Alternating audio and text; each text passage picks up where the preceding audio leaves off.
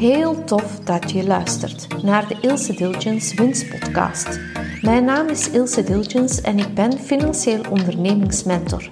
Het is mijn missie, mijn passie om jou als ondernemer in je kracht te zetten om te verdienen wat je waard bent. Met andere woorden, om vet veel geld te verdienen. In deze podcast neem ik je mee in het winstgevend ondernemen. Winst in tijd, winst in goesting, winst in geld, winst in kerk halen. Weet ik veel of ze goed bezig waren, dat ze te snel werkten, te traag werkten. Oké, ik was dus wel zaakvoerder, bestuurder, baas van dat bedrijf, maar zelf was ik geen schrijnwerker. En dat brengt bij sommige ondernemers vraagtekens met zich mee. Want lukt het dan wel om effectief een schrijnwerkersbedrijf te leiden? Ik heb daar heel veel commentaar op gekregen. En ja, ze hebben een punt. Ik kan niet echt controleren of um, aanmoedigen in het vakwerkschap, maar ik heb wel andere capaciteiten. Nu, was ik dan een goede leider? Dat zou je natuurlijk aan de medewerkers zelf moeten vragen, met een knipoogje erbij. Maar um, toch is het me gelukt om een bedrijf te leiden als uh, schrijnwerkers, um, vrouw zal ik het noemen. En waarom is mij dat gelukt? In mijn vorige jobs, voor ik mijn schrijnwerkerij startte, stuurde ik inderdaad teams aan maar dat was een heel ander soort leiderschap. Waarom? Omdat die teams die ik aanstuurde, die teamleden met andere woorden, die voerden eigenlijk taken uit die ik zelf door en door kende. Waar ik specialist in was. En dan is het vaak moeilijk um, om taken die je zelf al ettelijke keren hebt uitgevoerd om die los te laten. Want in principe weet je dat jij de beste bent, want je hebt het meeste ervaring. En dan die taken doorgeven aan iemand anders als je weet dat je dat eigenlijk sneller, beter en efficiënter kunt. Welke pretentie hebben dan eigenlijk? Hè? Dat kun je ook de vraag bij stellen. Maar dan is het moeilijk om te delegeren, los te laten. En ook is het niet altijd gemakkelijk om dan mensen erop te wijzen wat dat ze beter zouden kunnen doen. In mijn schrijnwerkerij ontpopte ik me dan ook op, op, in een andere soort vorm van leider, namelijk de coachende leider, de motiverende leider. En dat wil zeggen dat ik mijn schrijnwerkersteam ging aanmoedigen om hun talenten volledig te benutten. En ik daagde hen uit, ik moedigde hem aan om beslissingen te durven nemen en effectief uit een comfortzone te komen. Dat loslaten en delegeren ging op die manier veel gemakkelijker, omdat ik zelf die taken niet kende. Dus ik moest op hen vertrouwen om de taken tot een goed einde te laten komen, om effectief het resultaat te bekomen dat wij vooropgesteld hadden. Maar ik kreeg wel heel vaak een weerwoord, want ze zeiden dan van, ja Ilse, dat hebben wij nog nooit gedaan. We hebben dat machine op die manier nog nooit gebruikt. Hoe gaan wij nu uiteindelijk dat resultaat bekomen? Ze stelden zich van allerlei vragen en ik antwoordde stevast op dezelfde manier. Wat is het ergste dat er zou kunnen gebeuren? En dan keken ze zo naar mij van, oh, what the fuck. En ik zei dan, probeer maar. En dat deden ze dan ook. En voilà, we zijn toch altijd tot heel goede, sublieme, fantastische resultaten gekomen. Je kunt u de vraag stellen, ben ik een autoritaire leider? En ik kan u nu al zeggen, nee, dat ben ik niet. Want ik vind het heel fijn om aan te moedigen, me in te leven in het moment. Dat ligt volledig in mijn karakter, in mijn persoonlijkheid. Dus ik ben geen autoritaire leider ben er mij wel van bewust dat de combinatie tussen twee leiderstypes, het coachende um, stuk en het autoritaire stuk, die combo, dat is super nuttig.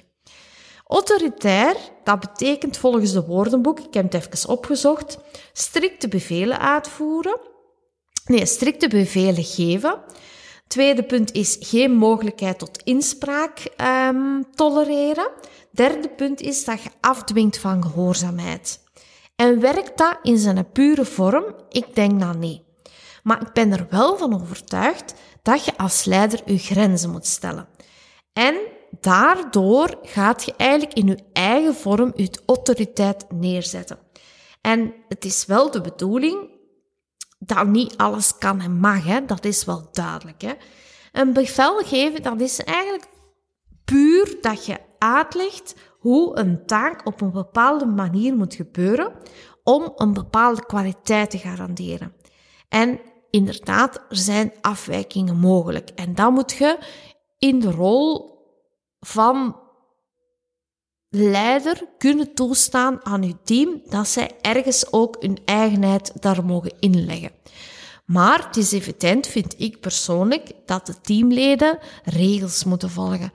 Maar dat kan op een bepaalde manier als jij je grenzen stelt en ze moeten inderdaad op bepaalde vlakken luisteren tussen aanhalingstekens.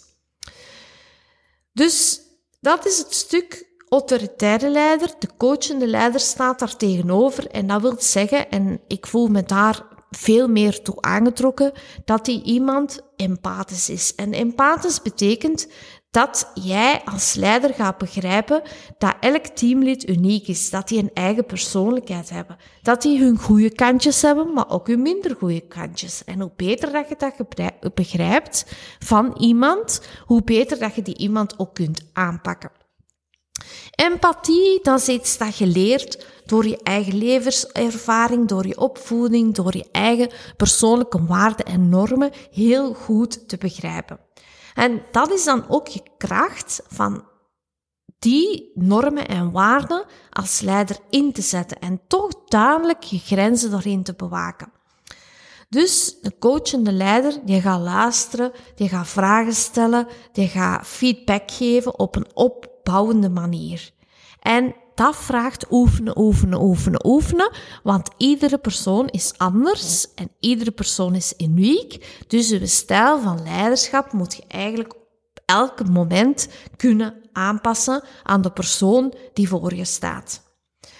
Nu, dan dankjewel zeggen, dat wordt wel echt geapprecieerd. En um, als jij dan ook de grootste supporter bent van je team, dat gaat je wel terugvoelen, want telkens um, wanneer dat er taken moeten uitgevoerd worden, het is altijd een spelletje van geven en nemen. En hoe beter dat je dan die supporter bent, hoe beter ook dat je team um, u ook gaat appreciëren. Dus in mijn schrijfwerkersbedrijf was ik echt een cheerleader. Nu, ik heb voor jou ook vier begrippen meegenomen in deze podcast die toch wel aandacht eisen als jij een super goede leider wil zijn. En dat is 1. Delegeren. 2. Samen doelen stellen. Derde is respectvol aansturen. En het vierde is ken jezelf. We duiken meteen in het begrip delegeren. En dat is iets wat heel veel ondernemers heel lastig mee hebben. Maar ik ben er zeker van dat je dat ook kunt. Delegeren is echt loslaten. Um, nu, uw teamleden, uw pappenheimers bij wijze van spreken, die kende jij het beste. Jij weet wie welke taak um, het beste kan uitvoeren en tot het beste resultaat met die taak kan komen. Dus jij weet ook dat een Bert de fijne afwerker is en dat de Peter Jan beter het grove werk doet. En dat is delegeren next level heel goed je team kennen en weten welke taken aan welke personen toebehoren. En ook altijd aan je teamleden het vertrouwen geven tot waar dat ze mogen beslissingen nemen. En ook altijd een deadline verbinden aan de taak. Wanneer dat je die vereisten aan een taak linkt, dan kan je echt als een kei delegeren. Um, dus de uitdaging voor jou is om top te delegeren, is de capaciteiten van je team als de beste kennen. En dan gaat het echt als een fluitje van een cent. Tweede begrip die je echt heel goed moet kunnen onder de loep nemen, is samen doelen stellen. Samen doelen stellen, dat maakt dat je team supersterk gaat worden. Nu, dat is niet altijd mogelijk. Maar wanneer dat je hun mening, hun betrokkenheid vraagt, dan gaat het ook geapprecieerd worden. En als je dan vraagt van, kijk, wanneer krijgen we die taak samen als een team klaar?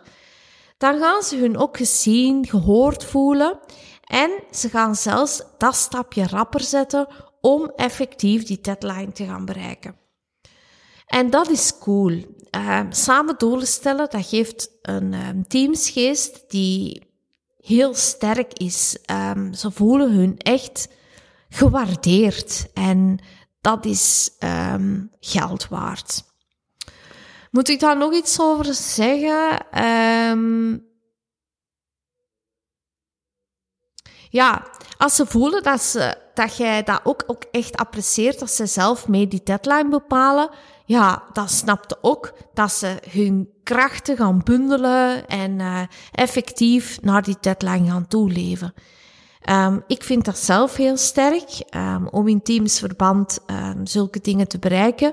En er zijn nog altijd team of teams of medewerkers die dat ook zeer interessant vinden. Een derde is respectvol aansturen.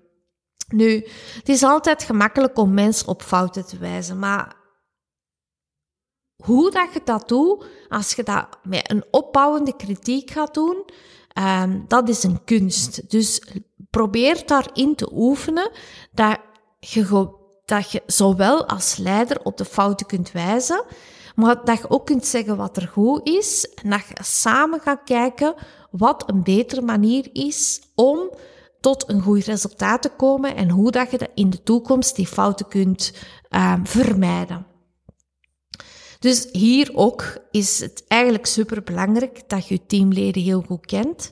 Want de ene gaat dat anders opnemen als jij opbouwende kritiek geeft als de andere. Dus bij sommigen moeten veel voorzichtiger zijn van hoe dat je op hun vinger stikt dan bij anderen. Sommigen wensen dat heel direct te ontvangen.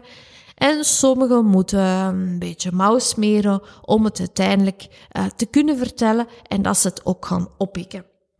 Een vierde begrip dat je echt keigoed moet weten om een heel goede leider te worden, is dat je jezelf moet kennen.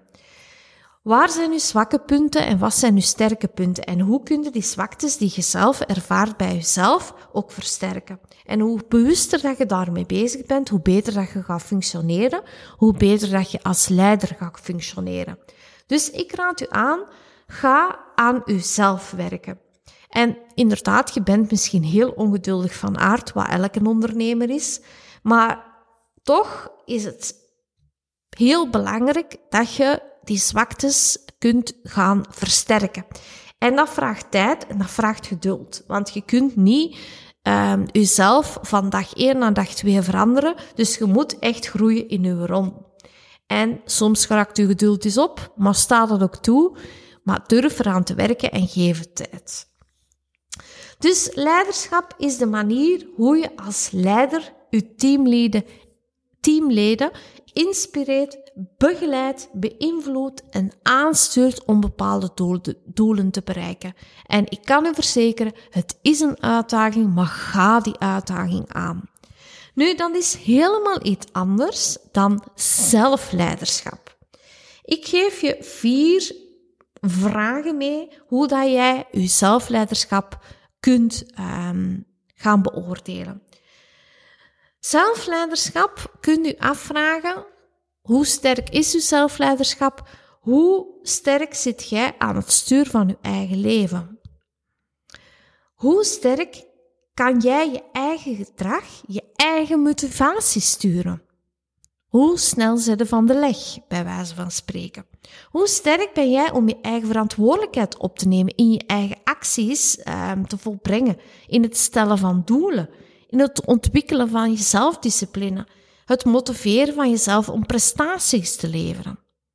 En hoe krachtig sta jij in je eigen leiderschap om jezelf te sturen in time management? Want als je dat vraagt van je teamleden, kun jij zelf bewijzen dat je dat wel doet?